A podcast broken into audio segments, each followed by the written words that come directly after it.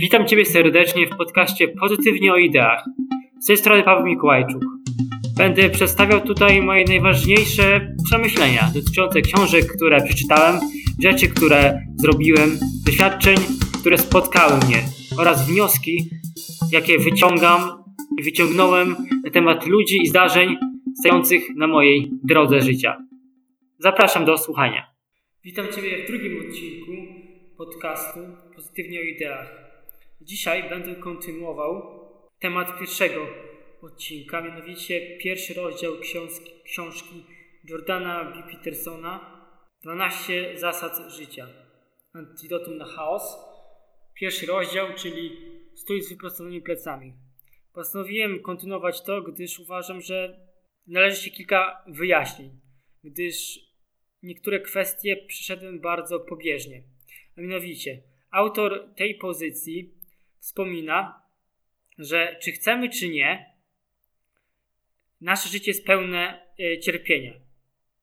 Mamy wiele wspólnego z innymi zwierzętami, gdyż jak wiemy, człowiek to także zwierzę.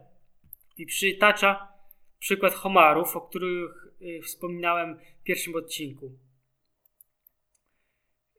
Dlaczego? Dlatego, że homary mają bardzo łatwy układ nerwowy do zbadania. Między innymi dlatego i naukowcy dużo o nich wiedzą. Pomimo to, że żyją już od dosłownie setek milionów lat na Ziemi, to mają dużo wspólnego z człowiekiem, a mianowicie ich układ nerwowy.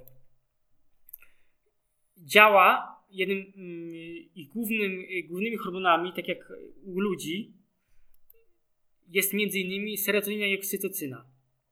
Badane homary, które walczą ze sobą oczywiście o terytorium zasoby, męskie homary, samce, u tych samców stosunek, u tych samców alfa, które zdobywały najlepsze terytorium, najlepsze pożywienie, najlepsze samice, najwięcej ich, miały stosunek oksytocyny i serotoniny bardzo specyficzny.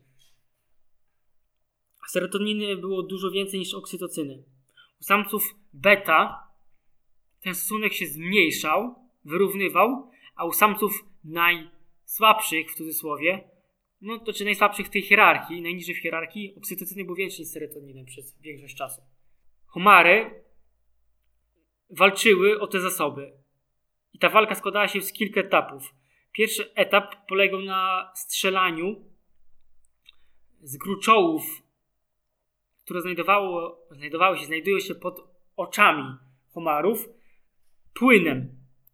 Następnie inne homary analizowały zawartość chemiczną tego płynu w cudzysłowie i od razu wiedziały, z jakim osobnikiem mają do czynienia, czy silnym, czy słabym, ponieważ w tym płynie były zawarte właśnie też hormony i inne substancje, które mówią, czy ten osobnik jest odważny, pewny siebie, Ergo, jeżeli jest odważny i pewny siebie, to musi mieć jakieś cechy, które to sprawiają. Czyli na przykład jest większy, silniejszy, ma więcej mięśni, ma silny układ odpornościowy, ma silny układ pokarmowy, który pozwala mu na długą, będzie pozwalał mu na długą i ciężką walkę.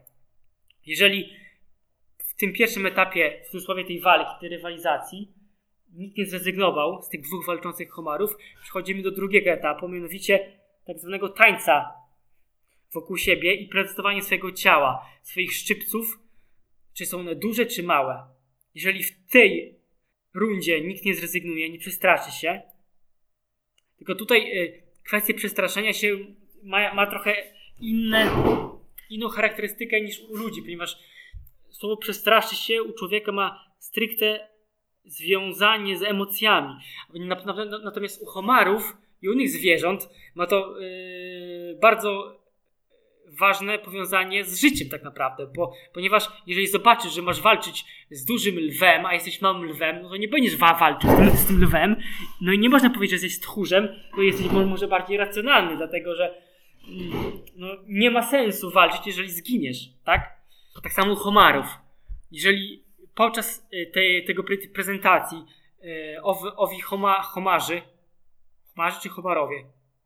Owi homarzy są bardzo blisko siebie, jeżeli idzie o wielkość i rozmiar, to przychodzą do walki. Literalnej walki, e, która polega między innymi na nacieraniu na siebie i uderzaniu pancerz o pancerz. I ta, i ta runda także może zostać nierozstrzygnięta, jeżeli samcy są bardzo zbliżone, jeżeli chodzi o wielkość i siłę. I wówczas przechodzi się do ostatecznej walki, czyli używając tych szczypców. Tutaj y, ta walka jest naprawdę śmiertelna i ten, który przegrywa, najczęściej umiera. Jeszcze wracając do tej poprzedniej rundy, ona polega na wywróceniu przeciwnika. Wówczas wywrócony najczęściej rezygnuje, jeżeli jest e, wywrócony. Natomiast jeżeli nikt go nie, wywróci, to przechodzą do tej ostatniej walki, ostatniej rundy.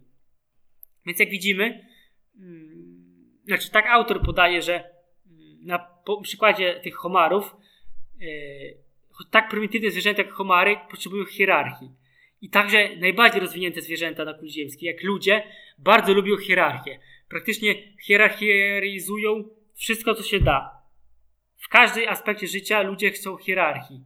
Hierarchii w biznesie, pomijam wojsko, policję, etc., czy tam kościół, czyli yy, stricte hierarchię, która umożliwia przetrwanie tym instytucjom e, bardzo długiego czasu i dosyć sprawne działanie w sytuacjach zagrożenia, na przykład, na przykład armia, ale nawet w rodzinach jest ściśle hierarchia. Hierarchia nawet siedzenia przy stole, e, hierarchia w grupie koleżeńskiej. Jest samiec alfa i inne funkcje w grupie. Czy samica alfa. Hierarchia w pracy, w biurze, w pokoju, wszędzie. Tak naprawdę wszędzie otacza nas hierarchia. I czy tego chcesz, czy nie. Możesz tego nie lubić. Ja też tego mogę nie lubić, ale nic, tego, nic, nic z tym nie zrobimy i należy pasować się do, do tej hierarchii i dążyć, aby być jak najwyżej w tej hierarchii, jeżeli na tym nam zależy, jeżeli chcemy mieć e, dobrą pozycję w społeczeństwie. A jak przedstawia da, dalej Jordan B. Peterson, warto, aby zależało nam na wysokiej pozycji w hierarchii.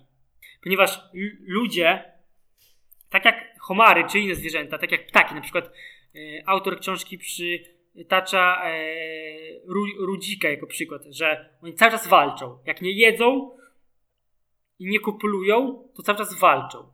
Czyli cały czas jest walka o hierarchię. I tak naprawdę człowiek też to robi. Zauważcie, e, po co jest Facebook? Po, po co jest strony internetowe? Po co jest chwalenie się? Po co jest kupowanie drogich samochodów, etc. No, między innymi po to, aby być wyżej w hierarchii. Oczywiście lepszy samochód jest e, lepszy w cudzysłowie, no, jest bezpieczniejszy, wykonany z lepszych materiałów. Tak, oczywiście, ale tak naprawdę samochód za 300 tysięcy czy za pół miliona bardzo nie różni się od tego za 70 tysięcy, za takiego zwykłego samochodu, na przykład Fiata najzwyklejszego, który nowy kosztuje tam około 60 tysięcy, załóżmy, czy tam Skoda Fabia, czy Mercedes. Ten samochód jedzie i ten jedzie. Ten ma szyby i ten ma szyby. Ten ma koła i ten ma koła. Ten ma radio i ten ma radio. Oczywiście yy, ten za pół miliona ma różne inne funkcje, ale no przepraszam bardzo, on kosztuje 10 razy więcej prawie. Więc czy, czy naprawdę ta cena jest warta 10 razy więcej, jeżeli chodzi o funkcję? No chyba nie. To chodzi o coś innego, prestiż. Nawet jeżeli chodzi o bezpieczeństwo. Tak, Mercedes jest bardziej bezpieczny od, załóżmy, Skody Fabii. Ale czy on zapewni nam 10 razy czy 8 razy większe bezpieczeństwo? Wątpię. Jak będziesz jechał powyżej 100 na godzinę i uderzysz w drzewo, to i tak to tu zginiesz i tu zginiesz. Nie ma znaczenia. Kupujemy to, aby pokazać na co nas stać, na status. Określić y, w drabinie społecznej. Ja także mam z tym duży problem, gdyż tak naprawdę w ogóle mnie nie interesują samochody i tak naprawdę mógłbym jeździć jakimkolwiek samochodem. Nie chcę w ogóle mieć o nim żadnych informacji, chcę po prostu przemieszczać się z punktu A do punktu B. No ale jednakowoż y, często jest to potrzebne, aby pokazać się, y, że ma się pieniądze, ale czy to jest ważne w życiu? To może kwestia na inny odcinek. Może jak pracujesz y, jako, nie wiem, jako sprzedawca, czy jako ktoś, kto będzie zarabiał więcej pieniędzy poprzez wyższy status, to tak, ale tak do życia, jeżeli masz uporządkowane ego i swoją wysoką wartość samo w sobie, to myślę, że nie potrzebujesz samochodu. Nie potrzebujesz samochodu, aby czuć się lepiej. Ale nie ma nic złego w y, posiadaniu samochodu za pół miliona. Jeżeli cię stać, jeżeli jesteś tak zaradny, jak najbardziej. Ale wracając do książki, Jordan B. Peterson y, właśnie zachęca, żeby dbać o to, jaką pozycję mamy w hierarchii społecznej. Gdyż to ma implikacje na nasze życie, na nasze zdrowie, na nasze zarobki. Nie mamy pieniędzy, to takie mamy zdrowie. Jakie mamy zarobki, yy, takie mamy jedzenie. Nie ukrywajmy, jedzenie zdrowe kosztuje więcej niż ten chłam naj, najtańszy, zrobiony z mąki pszennej, większości cukru i z jakiegoś syropu fruktozowego. Jak ten się syrop nazywa? Glukozo-fruktozowy? Syrop, syrop, tak, glukozo-fruktozowy. No przecież to jest, to jest, to jest narkotyk. Sam to czasami jem i żałuję później. Jedzenie dobre więcej kosztuje. Dostęp do najlepszej edukacji. To także sprawia, że później będziesz więcej zarabiał, albo inni będą cię postrzegali jako wykształconego człowieka i nawet realnie będziesz coś wiedział, czyli będziesz mógł zadbać o siebie. Lub nawet same pozory pomagają człowiekowi. Ktoś ukończy, ja to mam takie wrażenie o polskiej edukacji. W Polsce to mm, jednak w Polsce wyższa edukacja dużo, dużo jeszcze znaczy. Chociaż tak naprawdę ma bardzo mały e, wpływ na realną wiedzę. Na tych studiach wszyscy więcej osób ściąga, etc. No może tam nas na yy, medycynie nie. Ale na tych studiach, co ja studiowałem, no to wiele osób spisuje tylko ze smartfona, ale pomijam to. I posiadanie tego wyższego wykształcenia może nic nie znaczyć, y, jeżeli chodzi o Twoją wiedzę, ale moim, moim zdaniem zawsze coś znaczy, przynajmniej jakiś tam procent, bo przynajmniej obywanie się w środowisku osób z wyższym IQ powoduje, że Ty czytasz i będziesz oglądał filmy z wyższej półki, czytał książki z wyższej półki, etc. Ale o co mi chodzi? Chodzi mi o to, że czyli posiadając ten dyplom, on sprawia, że będziesz postrzegany przez innych na lepszą osobę. Chociaż tak naprawdę y, nie ma to większego znaczenia, więc warto dbać o swoją hierarchię. Jednym z aspektów, który pomaga nam dbać o swoją hierarchię, paradoksalnie, Jordan B. Peterson wskazuje wyprostowanie się, chodzenie z wyprostowanymi plecami. Dlaczego? Dlatego, że człowiek, który chodzi wyprostowanymi plecami, jest pewny siebie. Więc automatycznie, tutaj nawiązuję do pierwszego odcinka, będzie postrzegany jako ten pewny siebie i kompetentny nieważne czy jest kompetentny, ale będzie przez taki postrzegany. Fake utility make it. Nawiązując jeszcze do tych homarów, mm, na przykład one po przetransportowaniu w inne miejsce od razu zaczynają eksplorować nowe terytorium i budują hierarchię. Tak samo jak człowiek, zobacz to. Jak się przeprowadzisz do jednego miasta, to na początku nikogo nie znasz. Później poznajesz sąsiadów, przyjaciół, w pracy, osoby, koleżanki, kolegów i także gdzieś usytuowujesz się w hierarchii. To jest niepomijalne w życiu człowieka. I ta hierarchia w życiu Homo sapiens pomaga być w tym lepszym procencie, gdyż życie człowieka jest bardzo bezwzględne. I tak jak może wiesz, że 85% ludzi posiada tyle, co resztę około 15% pozostałych. Bogactwo nie jest rozdysponowane na świecie porówno. może dobrze, bo to komunizm chciał wszystko dzielić porówno. Jest bardzo mała grupa ludzi, bardzo bogatych, które posiada większe zasobów, co resztę, tak naprawdę reszta w ogóle społeczeństwa. Jakieś miliardy, kilka osób na świecie posiada tyle, co kilka miliardów najbiedniejszych. Także ma to się e, w innych dziedzinach, poza finans, finansowych. Na przykład, jeżeli chodzi o wydawanie e, książek. Podobno na rynku anglojęzycznym rocznie wychodzi około półtora miliona pozycji. Wydaje mi się to bardzo dużo, nie, nie wiem w ogóle jak to możliwe, ale tak jest. I z nich tylko 500 sprzedaje się w ilości powyżej 100 tysięcy egzemplarzy. Tak samo jeżeli chodzi o muzykę. Ile powstaje piosenek rocznie? Miliony może. A ile jest tak naprawdę popularna i grana i sprzedawana i mogą z nich się autorzy utrzymać. Bardzo mała. Podobno czterech klasycznych kompozytorów, Bach, Beethoven, Mozart i Czajkowski, napisali około 78% wszystkich utworów klas muzyki klasycznej. A muzyka Bacha tak naprawdę do dzisiaj, jeszcze przez kilkadziesiąt lat, nie będzie spisana i zagrana, gdyż jego notatki to są jakieś setki tysiące stron, nieprzejrzane, le leżące jeszcze i czekające na muzyków, którzy to odtworzą. Zapewne znasz zasadę Pareto, że 20% działań odpowiada za 80% rezultatów. 20% naszych działań podczas dnia tak naprawdę odpowiada za prawie całe nasze pozytywne rezultaty i skutki finansowe. A reszta to jest tylko taka mgła, wpisywanie na maile, etc., które nic nie przynosi, ale to i tak robimy. Ponadto istnieje taka zasada religijna, tak zwana, nazywa to się efekt świętego Mateusza, która jest dosyć bezwzględna. Podobno jest to najbardziej bezwzględny cytat z całej Biblii, że ten, co ma, będzie, temu, co ma, będzie dodane, a ten, co nie ma, będzie odebrane nawet to, co ma. I tutaj ludz, ludzie analizujący Biblię właśnie nawiązują do tego, do zasady Pareto w Biblii. I do tego, że Biblia nie ma być jakby prawa i zasady Biblii, nie mówią o tym, że ma być równo. Jeżeli w Biblii liczą się tylko efekty. Oczywiście nie obchodzi mnie to, czy jesteś religijny, czy nie, ale że jakoby mm, dla tych, którzy wierzą w to, co napisane jest w Piśmie Świętym, to jakby clue Ewangelii jest takie, że w życiu masz mieć efekty. Nie liczą się chęci, nie liczą się zamiary, nie liczą się to, co mówisz, ale liczy się tylko to, co robisz, a na, nawet nie to, co to robisz, tylko jakie są efekty tego, co robisz. Ponadto, tak samo jak e, życie ludzi jest bezwzględne i tam występuje zasada Pareto, tak samo na przykład w miastach. Ponad 80% ludzi mieszka w największych miastach.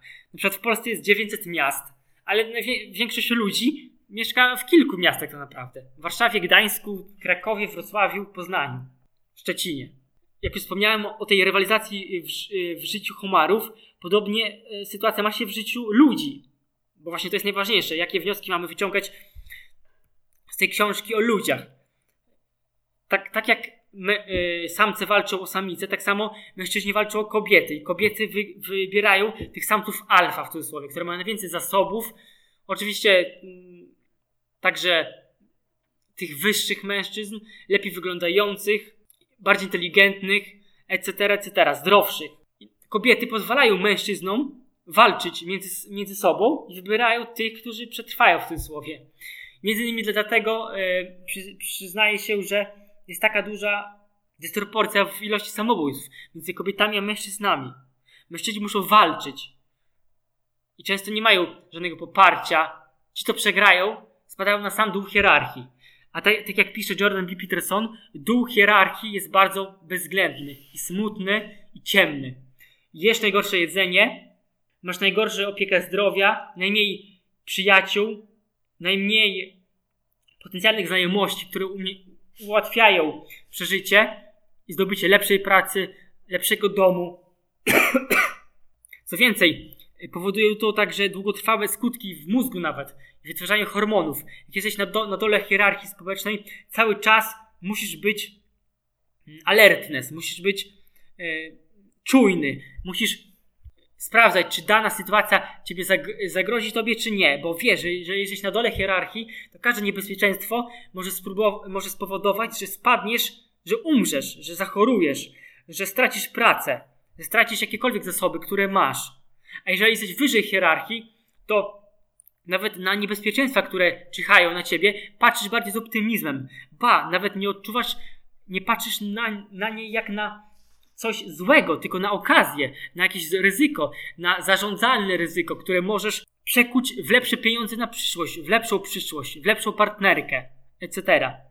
I dlatego na przykład jest, jest bardzo ważne, jak wychowujesz swoje dzieci, ponieważ kiedy dziecko jest małe, kształtuje się jego osobowość. Między innymi ta gospodarka hormonalna także. Te zagadnienia są cały czas badane. Jeżeli twoje dziecko, czy ty już teraz jako dorosły, miałeś rodziców no niefajnych, którzy na przykład krzyczeli na ciebie cały czas, karali tylko, dużo stresu miałeś, na przykład albo twoja matka, mama miała dużo stresu, kiedy byłeś w jej brzuchu, jesteś bardziej skłonny do bycia na dole hierarchii społecznej. Gdyż, gdyż na przykład masz mało serotoniny. I każde potencjalne ryzyko, każde potencjalne zagrożenie, wyzwanie w życiu, boisz się je podjąć.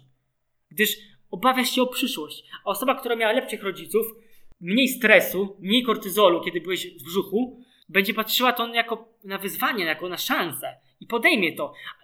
I po prostu ze statystyki wyjdzie, że jemu wyjdzie w życiu lepiej. Gdyż jak wiesz, życie w dużej mierze to statystyka. Na przykład kwestia e, relacji damsko-męskich. Wielu mężczyzn w ogóle nie podchodzi do kobiet, etc., gdyż i statystycznie nie, ma, nie mają kobiety, lepszej kobiety, gdyż ci lepsi bardziej odważni, podeszli do większej ilości kobiet i statystycznie wygrali na tym. A ci, co mieli, co byli zamordystycznie wychowywani, boją się wszystkiego, nie podejdą do tych kobiet. I to jest taka sama spełniająca się przepowiednia. Miałeś gorszy dom, gorsze wychowanie i będziesz miał gorsze wyniki w życiu. Można to przełamać, jednak jest to bardzo trudne. I to, co radzi Jordan B. Peterson, jeden z, jednym z sposobów na wyjście z tego zaklętego schematu jest właśnie wyprostowanie się ściągnięcie barków do tyłu i chodzenie z piersią do przodu. Tutaj muszę przypomnieć, kiedyś czytałem takie badanie, już teraz nie pamiętam, ale y, chodzi o to, że y, życie dla mężczyzn jest bardzo bezwzględne, jeżeli chodzi o te relacje damsko-męskie, gdyż dokładnie nie pamiętam liczby, ale to było, że, że tylko spotkałem się z takimi badaniami właśnie, że około 50% mężczyzn w historii miało tylko dzieci. To jest bardzo mało. Przy około 80% kobiet.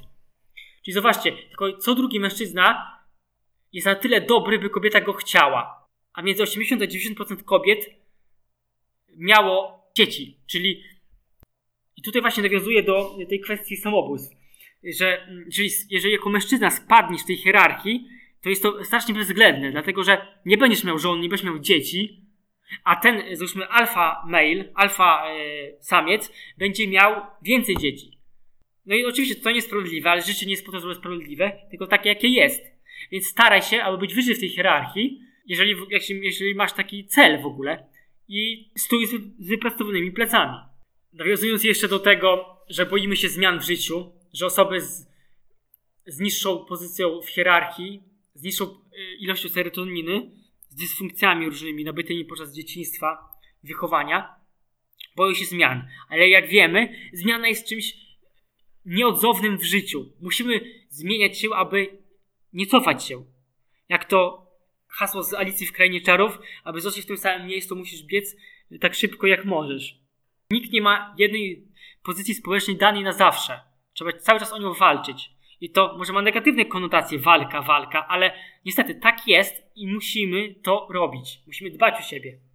Jest jeden, jedna z części naszego mózgu, która cały czas odpowiada o, o analizowanie naszej pozycji społecznej. Gdyż tak jak wspomniałem, osoby z wysokiej pozycji w hierarchii mają dostęp do najlepszej, najlepszych partnerek, ale także partnerki do partnerów. To nie tylko działa do, u mężczyzn, ale i kobiet. Chociaż ta hierarchia jakby u mężczyzn działa bezwzględnie, ale u kobiet także to występuje identycznie. Tylko tam są inne metody jakby y, hierarchizowania siebie. Jeszcze wchodząc na kwestie e, ludzi. Wspomniałem, że osoby, które są jakby najsłabsze, mają najmniej pieniędzy, najmniej zarabiają. I pomimo tego, że najmniej zarabiają, automatycznie są potencjalnymi, potencjalnym źródłem dla oszustów i złodziei. Najwięcej oszustw jest przeprowadzanych na osobach najmniej inteligentnych, czyli z, y, tych z najniższej z najniższego poziomu hierarchii. Autor książki zachęca, by wyjść z tego zaklętego kręgu. Nawet jeżeli miałeś złych rodziców, nawet jeżeli miałeś złe wzorce w domu, to przestań to przekazywać dalej, gdyż wiele ludzi według niego nie umie wyrwać z tego e, paternu, tego wzorca i tak jak jako dzieciak w szkole był zresztą prześladowany przez starszych i silniejszych w cudzysłowie, to teraz w pracy tak samo się zachowuje, tak samo nawet porusza się. Tak jak w tym sama nazwa tego rozdziału mówi. Stań z wyprostowanymi plecami. To nawet oni w pracy chodzą zgarbieni. I nie pokazują swojej konfidencji, swoich umiejętności. Tutaj także przychodzi kwestia uzależnień. Osoby będące nisko w hierarchii mają bardzo rzadko przyjemność. I dlatego są bardziej skłonni do uzależnień jakiekolwiek rzeczy, które wywołują u nich bardzo szybki wystrzał dopaminy czy, czy serotoniny, będą dla nich zgubne, gdyż alkohol, narkotyki, nawet cukier i czekolady, obiadanie się, pornografia będą dla nich bardziej atrakcyjne niż dla osób, które są wychowane w lepszy sposób. Ukształtowane są ich mózgi w bardziej, bardziej bezpiecznym środowisku. Najgorzej jest to, kiedy jest osoba, która przyjmie te narkotyki, czy napije się alkoholu i później rano się budzi, jest, ma załóżmy kaca, przypadkiem, czy nie przypadkiem dowie się, że najlepszym skutkiem, y, znaczy nie skutkiem, tylko sposobem na kaca jest wypicie na, następnej porcji alkoholu, co powoduje, że w mózgu tworzy się no, negatywna pętla nawykowa i jest większe prawdopodobieństwo, że popadnie w nauk.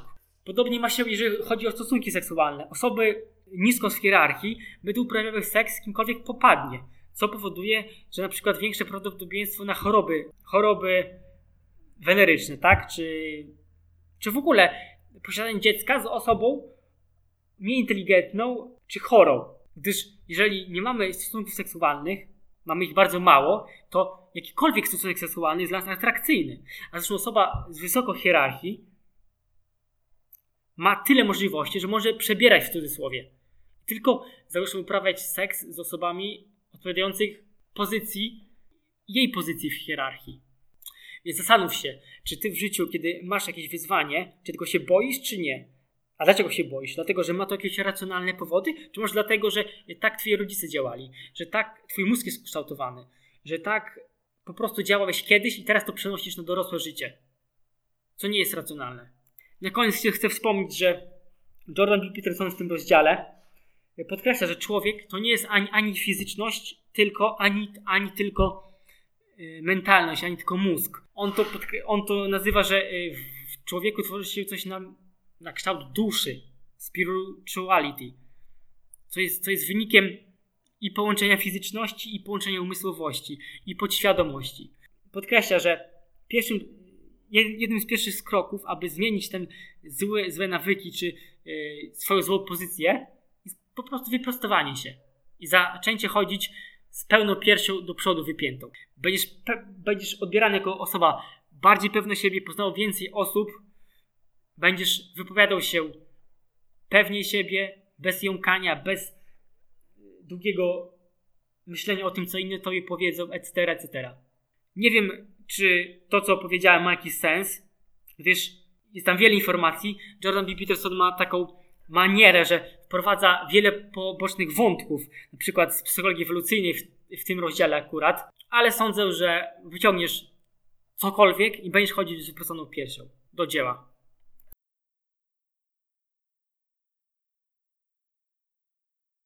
Dziękuję Ci za wysłuchanie mojego podcastu.